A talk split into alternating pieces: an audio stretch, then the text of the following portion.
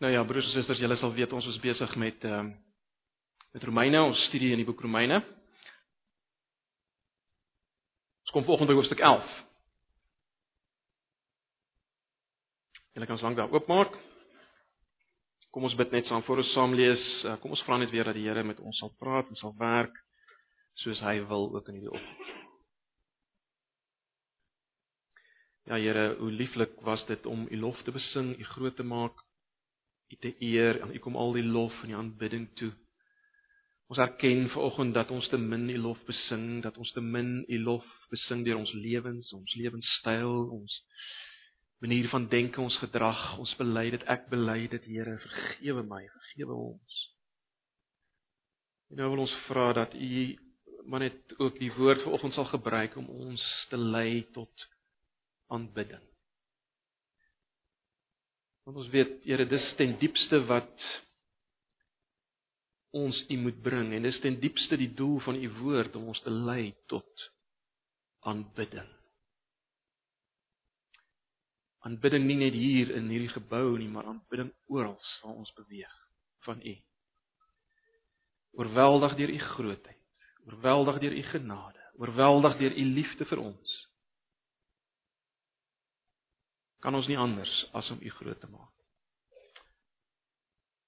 Kom Here, kom help ons nou as ons die woord gaan uitlê in Jesus se naam. Amen.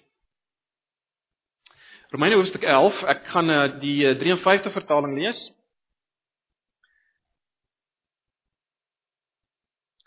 Julle sal weet uh, hoofstuk 9 tot 11 is nie van die maklikste gedeeltes nie. Ek ek dink die van julle wat daarmee gewerk het, sou dit al raak gesien het, maar ehm um, Dis wonderlike gedeeltes en baie bemoedigende gedeeltes, maar is ook belangrik dat mens maar die die meer letterlike teks volg.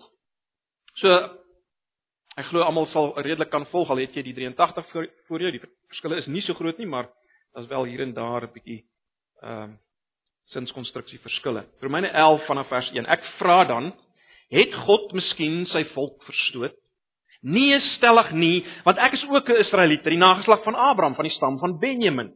God het sy volk wat hy van tevore geken het, nie verstoot nie. Nou net so terloops die woord geken uh, in die Bybelse konteks is is 'n 'n woord van diep kennis. Dit word eintlik vir, vir op vir, vir die seksuele gebruik.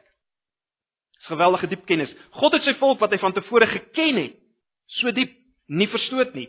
Of weet julle nie wat die skrif in die gedeelte oor Elia sê nie?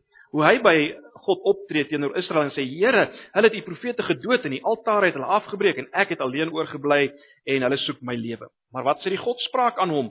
Ek het vir myself 7000 manne laat oorbly wat die knie voor Baal nie gebuig het nie. Net so is daar dan ook in die teenwoordige tyd 'n oorblyfsel ooreenkomstig die verkiesing van die genade. En as dit deur genade is, dan is dit nie meer uit die werke nie, anders is dit is die genade geen genade meer. En as dit uit die werke is, dan is dit nie meer genade nie, anders is die werk geen werk meer. Wat dan? Wat Israel soek, dit het hy nie verkry nie, maar die uitverkorenes het dit verkry en die ander is verhard. Soos geskrywe is, God het hulle gegee gees van diepe slaap om nie te sien nie en ore om nie te hoor nie tot vandag toe. En Dawid sê laat hulle tafel vir hulle wees 'n vangnet en 'n stryk en 'n struikelblok en 'n vergelding. Laat hulle oë duister word om nie te sien nie en, en buig hulle rug vir altyd krom. Ek vra dan, Het hulle miskien gestruikel om te val? Nee, stellig nie. Maar deur hulle val het die saligheid tot die heidene gekom om hulle jaloers te maak. En as hulle val die rykdom van die wêreld is en hulle tekort die rykdom van die heidene, hoeveel te meer sal hulle volheid dit nie wees nie? Want aan julle heidene sê ek vir soveel as ek 'n apostel van die heidene is, verheerlik ek my bediening as ek tog maar net my eie volk jaloers kan maak en sommige uit hulle kan red.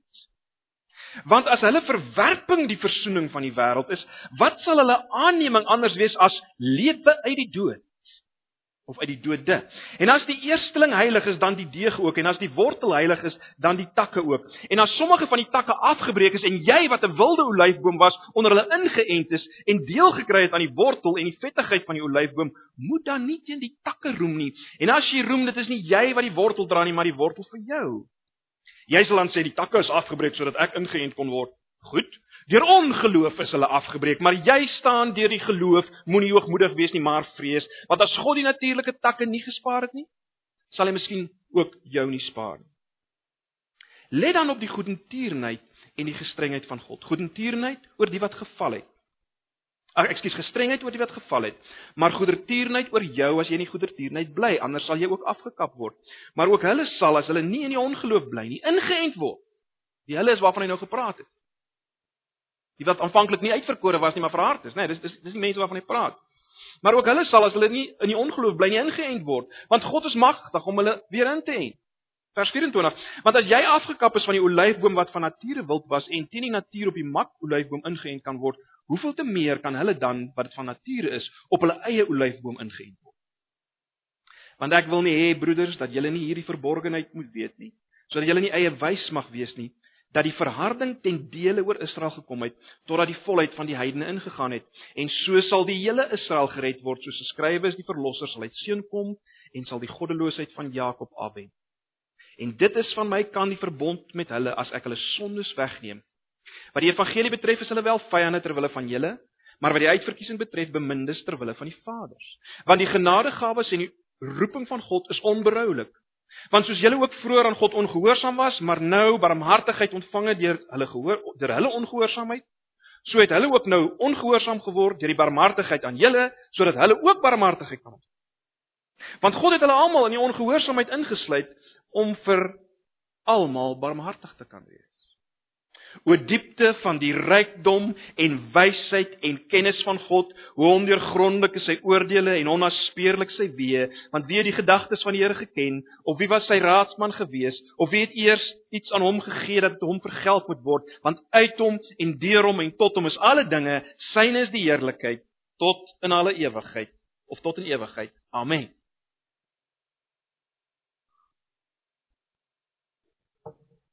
Ja ja, dis 'n mondvol en 'n nou nie die gedeelte wat ons almal gereeld lees nie, né? Broeders en susters, ons gaan vanoggend as te ware vir 'n laaste maal kyk na die kaart van God se verbondsgeskiedenis met Israel of God se beloftes aan Israel soos deur Paulus uh, uitgelig in hoofstuk 9 tot 11. En my gebed is vanoggend dat ons hantering hiervan sal lei tot dieselfde einde as waartoe Paulus kom in vers 33 tot 36 van hierdie hoofstuk. Julle sal weet Paulus het in vers 1 tot 6 begin om hierdie kaart as te ware met 'n frons op sy gesig oop te maak, 'n bekommerde frons. Maar nadat hy gekyk het na hierdie kaart in die lig van veral die eindpunt van God se belofte aan Abraham Jesus Nadat hy daarna gekyk het in die lig hiervan, verander sy sy frons van bekommernis in 'n absolute uitbundige loflied, 'n verstomming oor God se getrouheid, oor sy grootheid en oor sy wysheid. En my gebed is dat ons by dieselfde punt sal uitkom uh vir oggend en uh, ek vertrou dat ons daarby gaan uitkom ook in die lig van wat ons gesien het in vers uh, in hoofstuk 9 en 10. So kom ons kyk na hierdie gelaaste gedeelte, let wel van 'n een eenheid wat begin in hoofstuk 9. Moet asseblief nooit hoofstuk 9 losmaak van hoofstuk 10 en 11. Dis 'n een eenheid. Kom ons kyk na die laaste gedeelte van hierdie eenheid wat begin in hoofstuk 9. Paulus begin hier in vers 1 om die die vraag te vra wat eintlik onderliggend is al heeltyd vanaf hoofstuk 9 se begin en die vraag is: het God sy volk verstoot? En en weer eens hy vra natuurlik die vraag veral in die in die lig van die die praktiese situasie in die gemeente in Rome, dat dit net 'n paar geredde Jode en baie meer geredde heidene het God sy volk verstoot.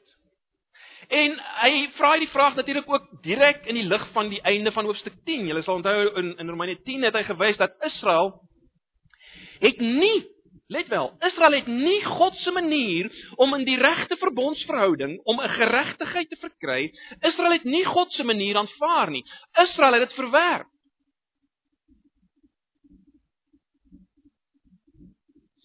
God se manier was om deur geloof in die saad van Abraham, Jesus, in die regte verbondsverhouding met hom te kom. Maar Israel het dit verwerp. In rebelsheid. Die vraag is nou maar sit God agter dit alles met die doel om ontslae te raak van Israel in die geheel? Het God 'n plan, is 'n plan nou verander? Het hy nou 'n plan B? Nou wil hy net werk met die heidene. Met ander woorde met die nie-Jode. Dis die vraag. Het God sy volk verstoot? Werk hy met 'n nuwe plan? En Paulus antwoord sy eie vraag. In die eerste plek sal julle sien deur na homself te verwys. Hy verwys eers na homself. Hy Paulus is 'n ware opregte Jood, ons weet dit. Gelees maar lees maar net weer Filippense 3 ook, né? En ons weet dat hy Paulus het ook met alles wat hy gehad het, God se manier van geregtigheid. Deur die geloof in Jesus het hy teengestaan. In so 'n mate het Paulus dit teengestaan dat hy die Christene uitgesleep het uit hulle huise en doodgemaak het. In so 'n mate het hy dit teengestaan. Maar nou is hy deel van die nuwe verbondsvolk van God. Meer nog, Paulus is nou 'n instrument om die heidene te laat deel word van God se nuwe verbondsvolk. Maar is hy die enigste Jood? Is hy die enigste?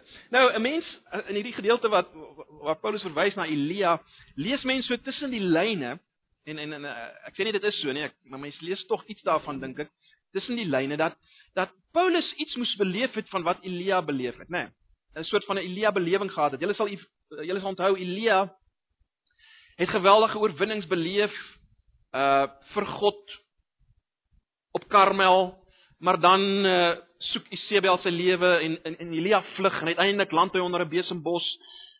En daar is hy in 'n absolute depressie, baie interessant.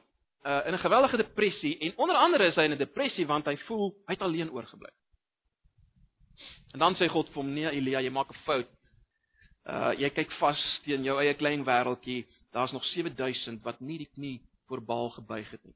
En Paulus se argument is Daar is nog steeds in die tyd waarin hy leef so 'n oorblyfsel. Dis die hele punt van die vergelyking. Daar's 'n daar's 'n oorblyfsel. Nou nog. In Paulus se tyd. En hy noem hulle 'n oorblyfsel volgens die verkiesing van die genade. Met ander woorde, die rede waarom hulle daar is, nog steeds ook in Paulus se tyd is genade. Nou die hele gedagte van die oorblyfsel kom natuurlik uit die Ou Testament, Jesaja 9 vers 20 tot 23, jy kan dit maar gaan lees. Die punt wat Paulus hier wil maak is hy en die Christene van die dag is deel van hierdie oorblyfsel.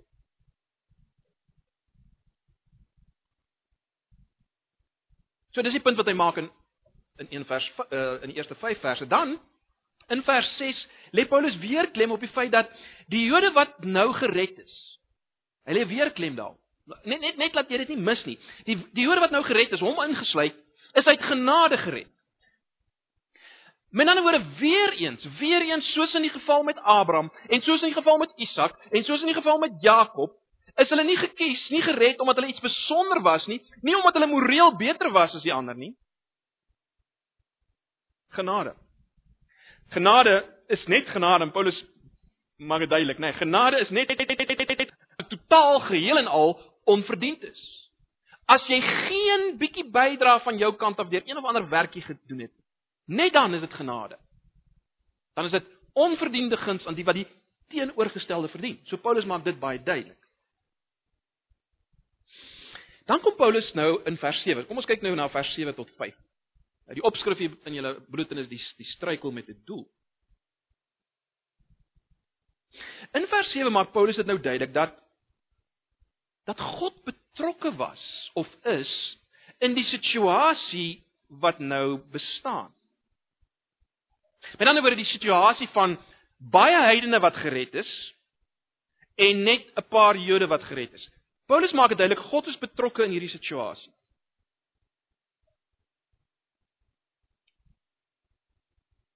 Daar weer die situasie, baie heidene is gered, net 'n paar Jode, die ander Jode om Paulus se taal te gebruik, is verhard.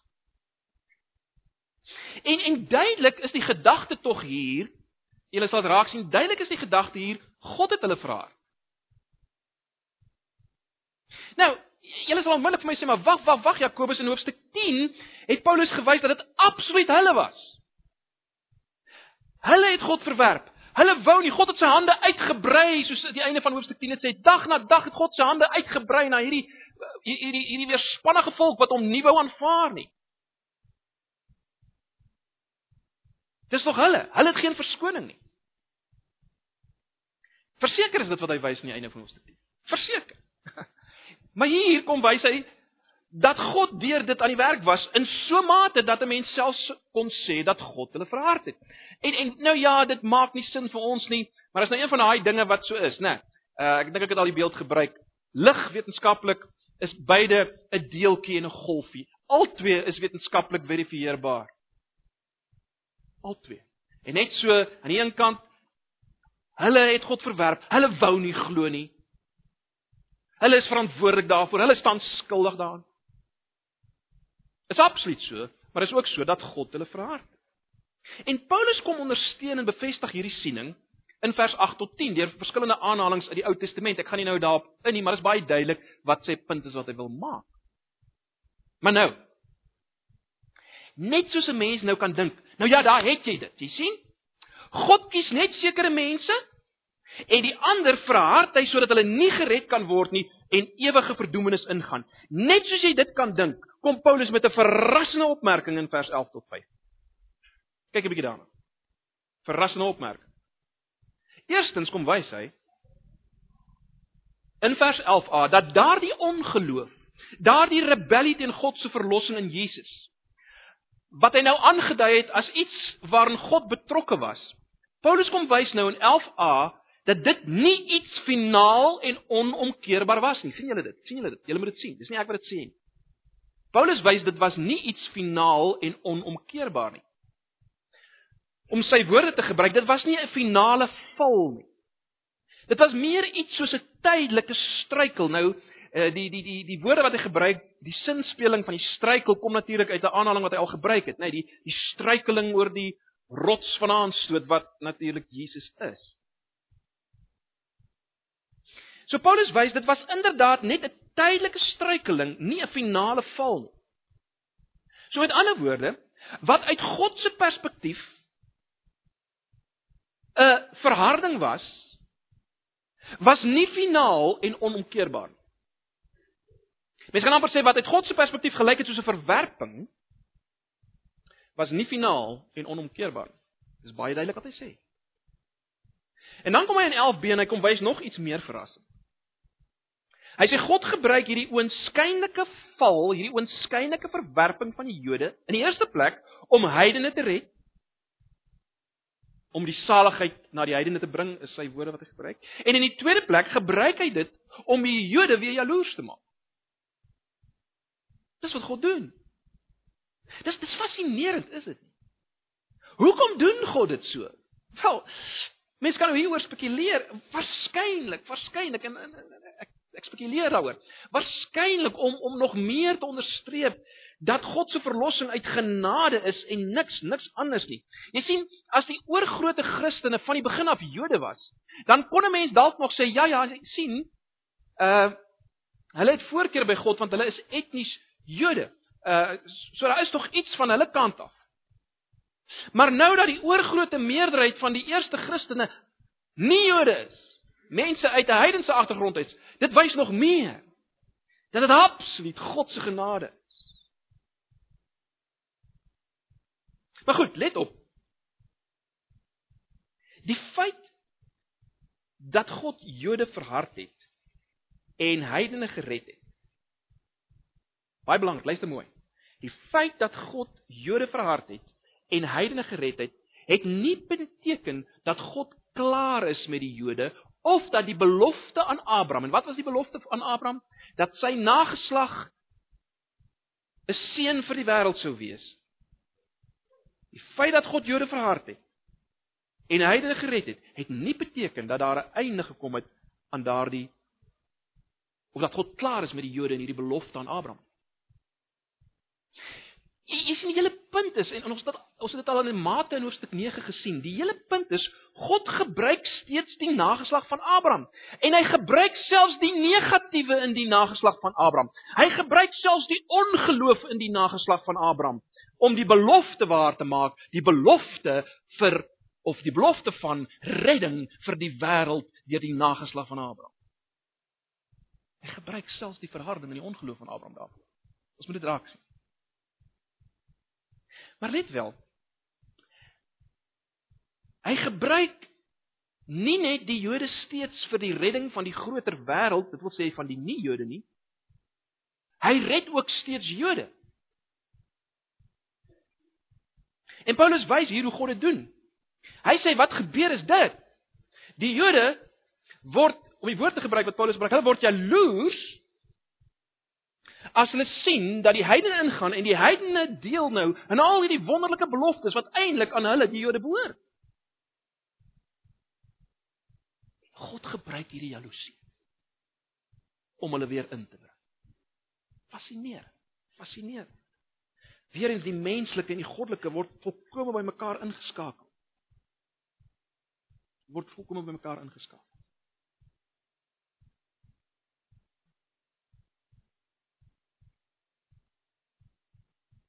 Let op, Paulus wys dat hierdie oënskynlike val van die Jode het redding vir die wêreld gebring. Mense kan amper sê hulle hulle tekort, dis die woorde wat Paulus hier gebruik. Hulle tekort het redding vir die wêreld gebring. En dan sê Paulus, hoeveel te meer sal hulle, soos hy dit stel, hulle volheid redding vir die wêreld of rykdom vir die wêreld beteken. Nou, dis dis 'n bietjie moeilik om om presies te weet wat Paulus hier bedoel. Ek ek is nie heeltemal seker wat hy hier bedoel nie, maar as mens so daaraan dink, dink net Paulus se bekering as Jood. Dink net watter gevolg het dit gehad onder die heidene. Nou, meer vermenigvuldig Paulus met duisende der duisende. En dink jy wat sal gaan wat sal gebeur? En ek dink iets daarvan lê dalk in die in die agtergrond van wat Paulus hier sê. Hy, hy mag dalk daarop sin speel ook as mens kyk na wat hy sê in vers 13 as hy verwys na sy eie bediening. Maar maar wat ook al mense hiervan sê wat duidelik is, Paulus het begeer dat meer en meer Jode jaloers sal word en so gered gaan word. Met ander woorde, meer en meer van hierdie mense wat oënskynlik verhard is, oënskynlik nie uitverkies is nie. Dat meer en meer van hulle jaloers sal word en sal deel word. Dis dis Paulus se gebed. In vers 15, kyk gou na vers 15 want hier gebruik Paulus fascinerende taal Luister mooi en jy sal dit hoor as jy as jy nou mooi daarna gaan luister, hoor jy dit. Paulus sê: "Want as hulle verwerping die versoening van die wêreld is, wat sal hulle aanneming anders wees as lewe uit die dood?" Wat hoor julle? Aan wie laat dit jou dink? Enigeen. Aan wie aan wie laat dit jou dink daai vers? Jesus, natuurlik. Jesus, dit is fascinerend, is dit nie? Jy sien wat ons moet raak sien is wat afspeel in Israel. Is 'n afbeelding van dit wat in en deur Jesus plaasvind. Dit Jesus die ware Israeliet, Jesus die saad van Abraham, Jesus die uitverkorene van God. Sy verwerping bring verzoening. Sy aanneming Deur God is lewe uit die dood. Ons dink hier aan die opstanding, net die gedagte van die opstanding is hier in Paulus se woord. Dis hoe God werk. Jy wil weet hoe God werk, kyk na Jesus. Jy wil weet hoe God Israel gebruik het, kyk na Jesus, sien Jesus. En dit bring Paulus nou by die twee olyf op. Dit bring ons by die twee olyfbome in vers 16 tot 24. Nou voordat Paulus die beeld van 'n mak en 'n wilde olyfboom gebruik om te verduidelik God besig is om te doen, maak hy baie basiese stelling in vers 16. Hy sê, hy sê en as die eerstelinge heilig is, dan die deeg ook. En as die wortel heilig is, dan die takke ook. Nou ons ken al die beeld van die eerstelinge, dis 'n beeld wat kom van die sogenaamde eerstelinge van die van die oes, né? Uh as daar as as die eerste vrugte van 'n oes daar was, het die Jode ook 'n fees gevier want Die eerste vrugte van 'n oes, die sogenaamde eerstelinge, was 'n sekere bewys, 'n soort van 'n deposito van dit wat gaan kom. Jy het geweet as daai eerste vrugte is, die hele oes gaan kom. So deur hierdie taal te gebruik, bevestig Paulus dat die Jode wat op daardie stadium gered is, op daai stadium nou gered is, hulle is soos hierdie eerste vrugte. Hulle is die teken dat daar nog 'n klomp gaan kom. Net so is sy beeld van die uh van die wortels. Ek meen die wortels van 'n boom verseker dat uh, daar nog takke gaan kom in die boom uit, né? Nee. Dit ek dink dis die gedagte hier. Dis die gedagte van die eerstelinge en die van die wortels. Daar gaan nog kom. Daar gaan nog kom. So die geredde Jode nou is dis 'n teken daar gaan nog kom. En dan fokus Paulus nou verder op hierdie beeld van die twee olyfbome. En ek dink dit is redelik duidelik wat hy sê. Aan die een kant sê hy Israel is die makolyfboom. Die boom wat as te ware van nature olywe dra. Want dit is 'n dis 'n mak, dis gekultiveerde olyfboom. Dis Israel. Aan die ander kant is daar die heidene, hulle is die wilde olyfboom wat van nature nie vrugte dra nie. Nou wat Paulus hier wys is dat God in sy groot plan het as te ware gegaan en van hierdie makolyfboom Israel, die Jode, hy het van hierdie makolyfboom se takke afgebreek om plek te maak vir takke van die wilde olyfboom wat hy daarin geplant. En hierdie met ander woorde hy hy breek van die mak om die woord te gebruik die maktakke af. Nou is daar plek vir die wilde takke en hy plant hulle daarin. Paulus sê dis wat God gedoen het. Nou, miskien vang ons dit nie dadelik nie, maar die gebruik in daai tyd was natuurlik gewoonlik totaal die teenoorgestelde, né? Nee, ek meen jy het wat jy gedoen het in daai tyd was om uh, om 'n makolyfboom. Met ander woorde die gekultiveerde olyfboom se takke in te plant in 'n wilde olyfboom. Dit was die gebruik. So Paulus maak dit baie baie duidelik, kyk, wat hier gebeur het is die teenoorgestelde. So wat hy wil duidelik maak vir die nie-Joodse Christene, die die heidense Christene, hulle moet weet dat wat met hulle gebeur het, is eintlik totaal teenatuurlik. Ongehoord. Vreemd. Om die waarheid te sê, hulle het eintlik geen reg op wat gebeur het.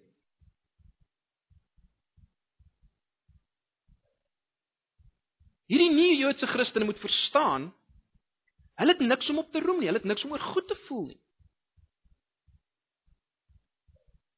Hulle het niks om oor goed te voel nie. Die die regte boom, die mak makboom, die gekultiveerde boom is Israel, nie hulle nie.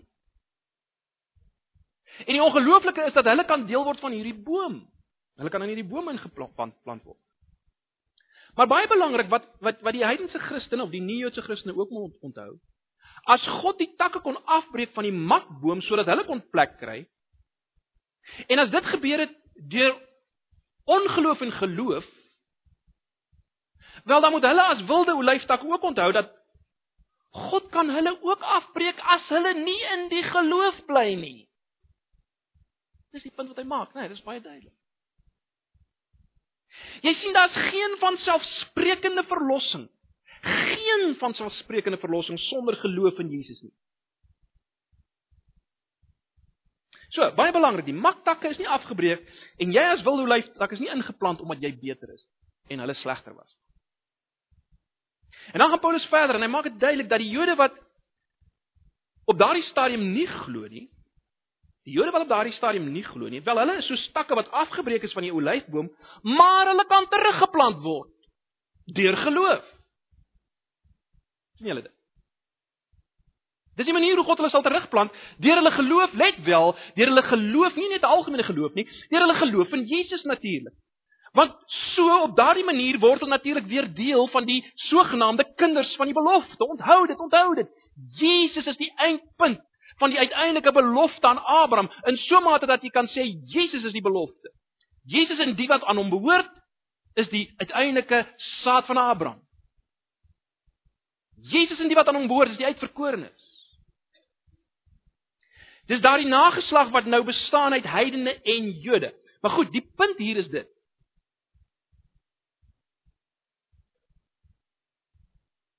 Hoeveel te meer, dis eintlik die punt wat Paulus maar, hoeveel te meer kan 'n maktak nie weer teruggeplant word.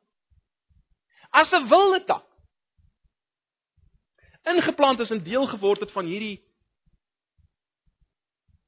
olyfboom. Hierdie ware gekultiveerde olyfboom. Dan is dit eintlik makliker om om 'n maktak weer terug te plant. Dis 'n argument wat hy hier maak. Ek meen hulle het tog die eerste reg om die nageslag van Abraham te wees. Hulle het tog reg om in die olyfboom te wees.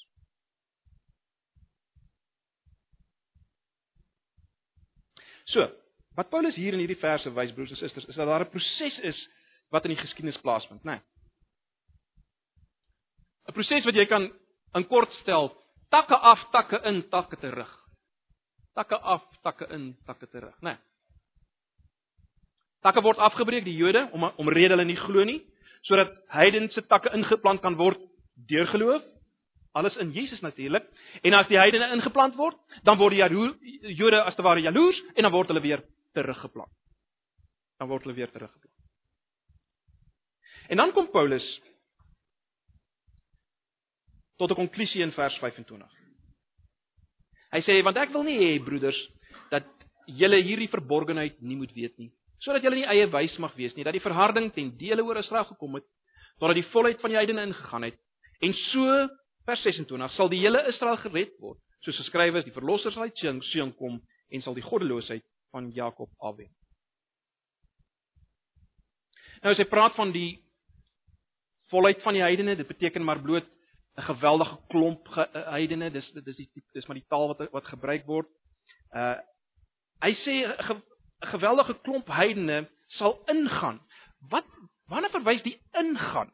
Nou as jy 83 vertaling het, dan dan word daar gepraat van totdat hulle ingegaan het in die koninkryk. Maar dis natuurlik nie wat in die oorspronklike teks staan nie. Daar staan niks nie.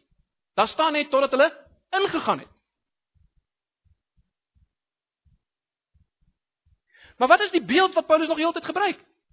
Hy gebruik nog heeltyd die beeld van 'n boom, die ware olyfboom, waarin sekere takke ingaan, waarin die wilde olyftakke ingaan, ingeplant word. So ek is redelik oortuig dat dit die ingaan is waarvan hy praat. Die ingaan in die ware olyfboom. So as hierdie geweldige klomp heidense takke ingeplant is omdat die Joodse takke afgebreek is, dan sal die Jode jaloers word en ook hulle sal weer teruggeplant word in hierdie boom. Jy sien vers 26 wat sê en so sal die hele Israel gered word. Daardie en so verwys na die manier waarop hulle gered sal word. Die metodiek. En dis die metodiek van hierdie in afbreek en inplant proses waarna ons nou verwys het. Waarna verwys die hele Israel? Want dit is problematies vir baie mense. Nou in die eerste plek praat Paulus beslis nie van elke individuele Jood nie wat nog ooit geleef het nie. Uh en hy praat verseker ook nie van elke individuele Jood wat op 'n sekere stadium in die toekoms sal leef. Kyk, die uitdrukking en die hele Israel is is een wat jy baie in die Ou Testament vind. Daar word gepraat van en die hele Israel het dit gedoen of die hele Israel het dat gedoen en dit beteken nie noodwendig elke individu nie. So dis nie wat Paulus hier sê nie. En boonbehalwe daardie feit is dat ons het nou al gesien in hoofstuk 9 tot 11. Ons het gesien dat die wat nie God se volk is nie, sal God se volk word. En ons het gesien reeds in Romeine 4 en weer in Romeine 10, het ons gesien dat heidene die geregtigheid deur die geloof, die die regte verhouding met God deur die geloof in Jesus verkry en so word hulle wat? So word hulle kinders van Abraham. Ons het dit al gesien, die heidene word kinders van Abraham. Paulus bevestig dit natuurlik ook in Galasiërs 3 vers 17 en hy sê die wat nou glo is kinders van Abraham, die wat glo in Jesus is nou kinders van Abraham. So, die punt is, wie is die hele Israel? Die hele Israel is die Israel wat bestaan uit Jode en heidene. Dis die hele Israel. Die hele Israel is is is bestaan uit Jode en heidene wat op so 'n manier ingeplant is Uiteindelik deur geloof in Jesus, nie outomaties nie. Wat nou deel is van hierdie olyfboom wat bestaan uit Jode en heidene. Onthou, dis die ware nageslag van Abraham. In Galasiërs baie interessant Galasiërs 6 vers 16, daar gebruik Paulus die die Israel van God. Gebruik hy vir die Christene. Joodse Christene en heidense Christene, is die Israel van God. Wel, hy gebruik om waarheid te sê die die term vir die Christene in Galasiërs. En ons weet die Galasiërs Christene was nie uh was nie in eerste plek Jode gewees nie. Maar goed, hoe dit ook al sê. Dis die hele Israel. Dis die nageslag van Abraham. Maar die nageslag van Abraham wat nou bestaan uit Jode wat glo in Jesus, die saad van Abraham, en heidene wat glo in Jesus, die saad van Abraham. Natuurlik. Eh, en ons moenie ons moenie dit afmaak. Natuurlik is Paulus verwagting dat daar baie baie baie meer Jode gered gaan word as wat op daardie stadium gered is. In vers 26b en 27 onderstreep Paulus weer dat hierdie redding van Israel beloof is. En hy haal aan uit Jesaja 59 vers 20 en hy haal aan uit Jeremia 31, hy wonderlike gedeelte van die nuwe verbond. En hy haal aan uit Jesaja 27 vers 9. As jy verwys na Jesaja wat sê dat die die verlosser sal uit Sion kom, maar ons weet ook uit die gedeeltes in Jesaja dat dat die nasies gaan deel word. Dis die hele groot ding in Jesaja se laaste hoofstukke, né? Die lig vir die nasies. En dan in vers 28 en 29 bevestig Paulus dat die verkiesing van die aardsvaders, dit wil sê van Abraham, Isak en Jakob, en al die genadegawes wat gekoppel is daaraan tot hulle voordeel. Paulus maak dit duidelik, dit staan vas. Dit staan vas. Hoekom? Want jy sien die verkiesende belofte aan hierdie uitverkorenes Abraham, Isak en Jakob. Die belofte was juis dat Israel 'n seën vir die wêreld sal wees. Deur die saad. En ons weet wie is die saad volgens Galasiërs 3, die saad is Jesus. Die verlosser uit Sion.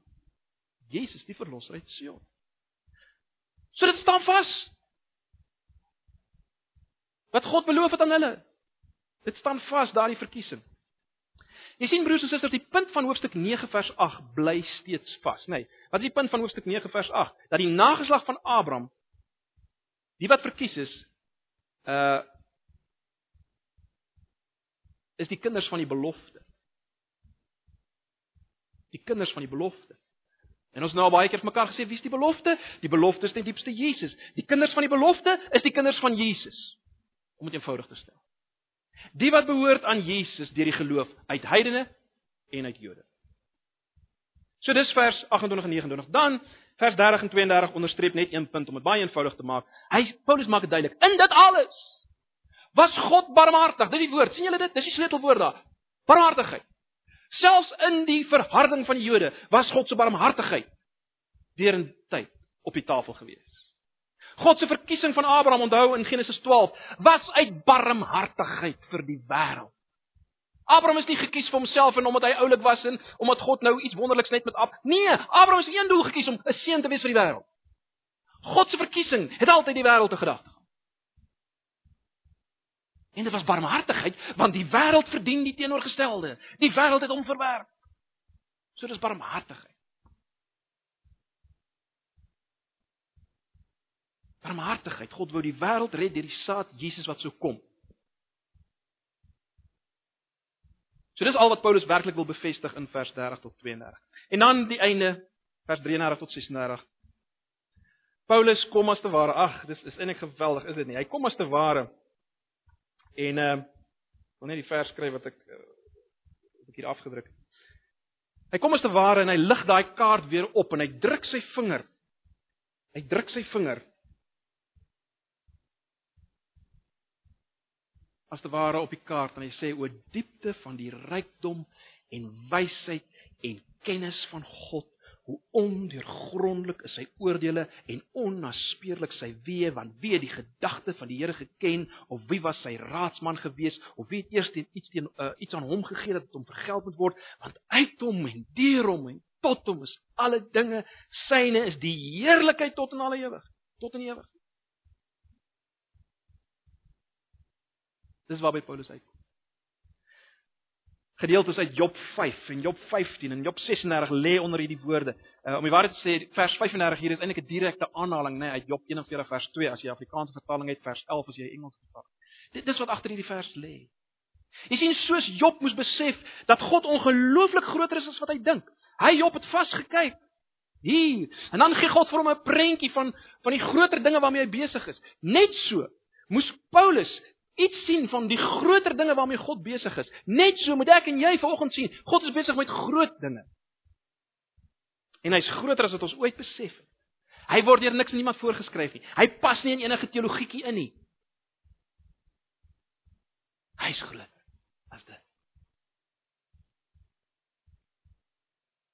En dis Romeine 11. Maar kom ons trek net baie vinnig. Ek maak net 'n paar punte van toepassing.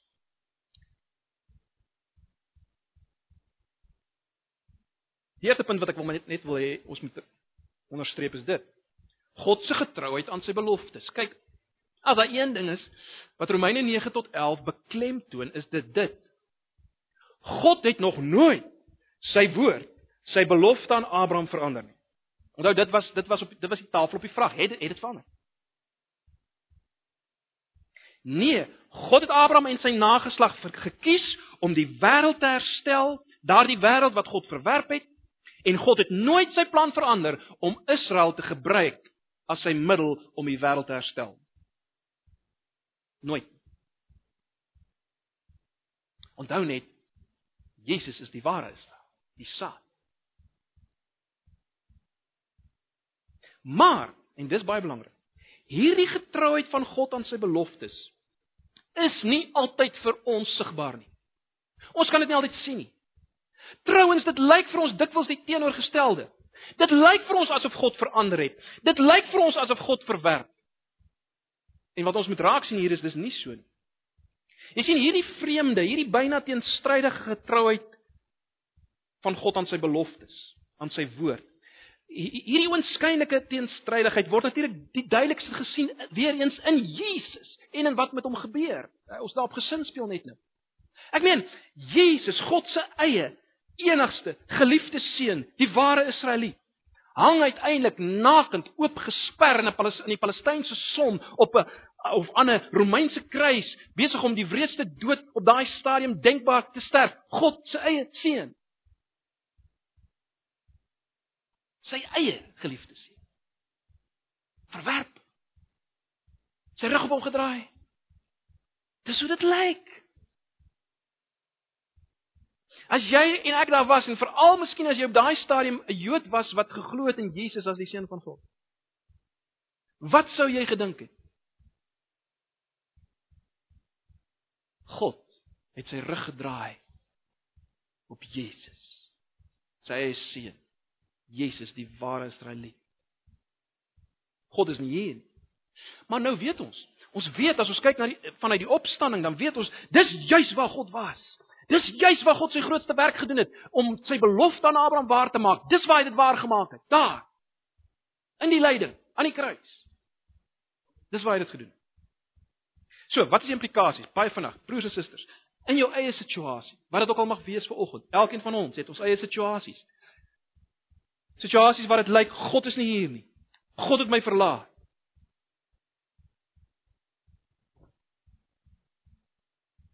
Kyk na die kruis. Dis hoe God werk. God werk kruisvormig. Onthou dit altyd. Selfe geld as ons kyk na ons gemeente. As ons kyk na Pretoria. As ons kyk na Suid-Afrika. As ons kyk na die wêreld. Onthou hoe God werk. God werk kruisvormig. So dis die eerste punt. Tweede punt, baie vinnig. God se hart is barmhartigheid. Wat ek en jy volgens moet sien en ons moes dit gesien het dwars deur Romeine 9 tot 11 is dit dit. God wil mense red. God wil genadig en barmhartig wees. God is nie suinig met sy genade nie. Al mag dit so vir jou lyk. Moet nooit daaraan twyfel nie. As jy twyfel dat God wil barmhartig wees. Weereens kyk na die kruis.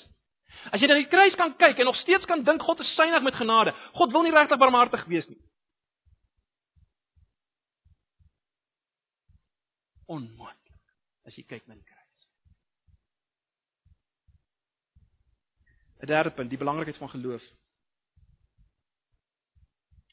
Wat betref ons verantwoordelikheid in hierdie hele drama van die geskiedenis, dis baie duidelik. Dis geloof. Nie net geloof in geloof nie, geloof in 'n vaste voorwerp, nee, Jesus. Maar dis deurslaggewend absolute vertroue in Jesus as die een wat wys God bedoel wat hy sê, as die waarmaker van God se beloftes en so meer. Wat ons moet raak sien in hierdie gedeelte baie duidelik is dat daar is geen sprake in die Bybel, beslis nie in Romeine 9 tot 11.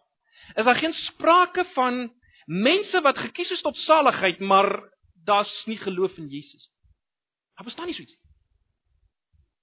Niemand kan rondloop en sê, "O, ek ek is ek dink ek dink dit is verkies, maar ja, ek weet nie, dis 'n saak met Jesus nie." Nee, nee, nee, nee, nee. Daar bestaan nie so iets nie. Ons het dit hier gesien baie duidelik.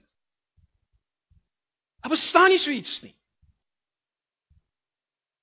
As jy nie bly in geloof in Jesus nie, is jy nie in die boom nie. Deur geloof word jy ingeplant, deur ongeloof word jy afgebreek. Bly in Jesus, bly in die geloof. Dis van kardinale belang. Nie geloof as 'n goeie werk nie, nie geloof as 'n bydra nie, geloof as 'n magtelose vashou aan Jesus alleen en dit wat God in hom gedoen het. Dis geloof, né? Nee, nie jou prestasie nie. Dis nie wat ek sê nie. Ek sê nie deur jou prestasie, deur jou getrouheid aan die geestelike dissiplines. Dis die manier hoe jy nee, dis nie wat ek sê. Geloof. Afhanklikheid. Ek kan niks, u kan alles, dis geloof. Maar dis deurslaggewend belangrik. Gaan lees maar weer wat hy sê hier. En dan in die laaste plek, 'n vierde punt is dit. Ons moet 'n verwagting hê. Romeine 11 leer verseker dat ons 'n verwagting kan hê dat mense tot bekering gaan kom. Jode en heidene. Moenie die Jode vergeet asseblief. Maar ons kan 'n verwagting hê dat hulle tot tot bekering gaan kom. Hoekom kan ons die verwagting hê? Omdat ons beter evangelisasie metodes vandag het? Nee. Ons kan 'n verwagting hê dat mense tot redding gaan kom. Omdat God 'n belofte gemaak het aan Abraham. Dis hoekom ons die verwagting kan 'n verwagting hê. Ons kan 'n verwagting hê dat Jode gaan tot bekering kom baie. En dit is besig om te gebeur, hoor. Ons kan verwag dat duisende tot bekering. Maar ons kan ook verwag dat duisende heidene nog tot bekering kom. Ter duisende. En as ons dit verwag, dan moet ons Paulus se gesindheid hê. As hy sê in vers 1 van hoofstuk 10, die gebed, my verlange en my gebed is vir die redding van my mense. Hy het gebid. Hy het gebid. Hy het nie gesê ag ek weet God wil mense red, so hy sal dit doen op sy tyd en sy manier. Nee. Hy gesê ek is bekommerd en ek bid vir hulle. Ag broers en susters, ons moet sien hoe die menslike en die goddelike absoluut bymekaar kom. Ons moet bid, ons moet pleit vir mense se redding. Mag die Here ons help om in die lig hiervan te dink en te leef. Wat 'n wonderlike wonderlike gedeelte. God kom al die eer en lof. Amen. Ons bid saam. Ag Here, dankie. Dankie vir u woord. Dankie vir wie u is, dankie vir u werking, dankie vir die hoop wat ons kan hê in Jesus. Ons eer u daarvoor. Amen.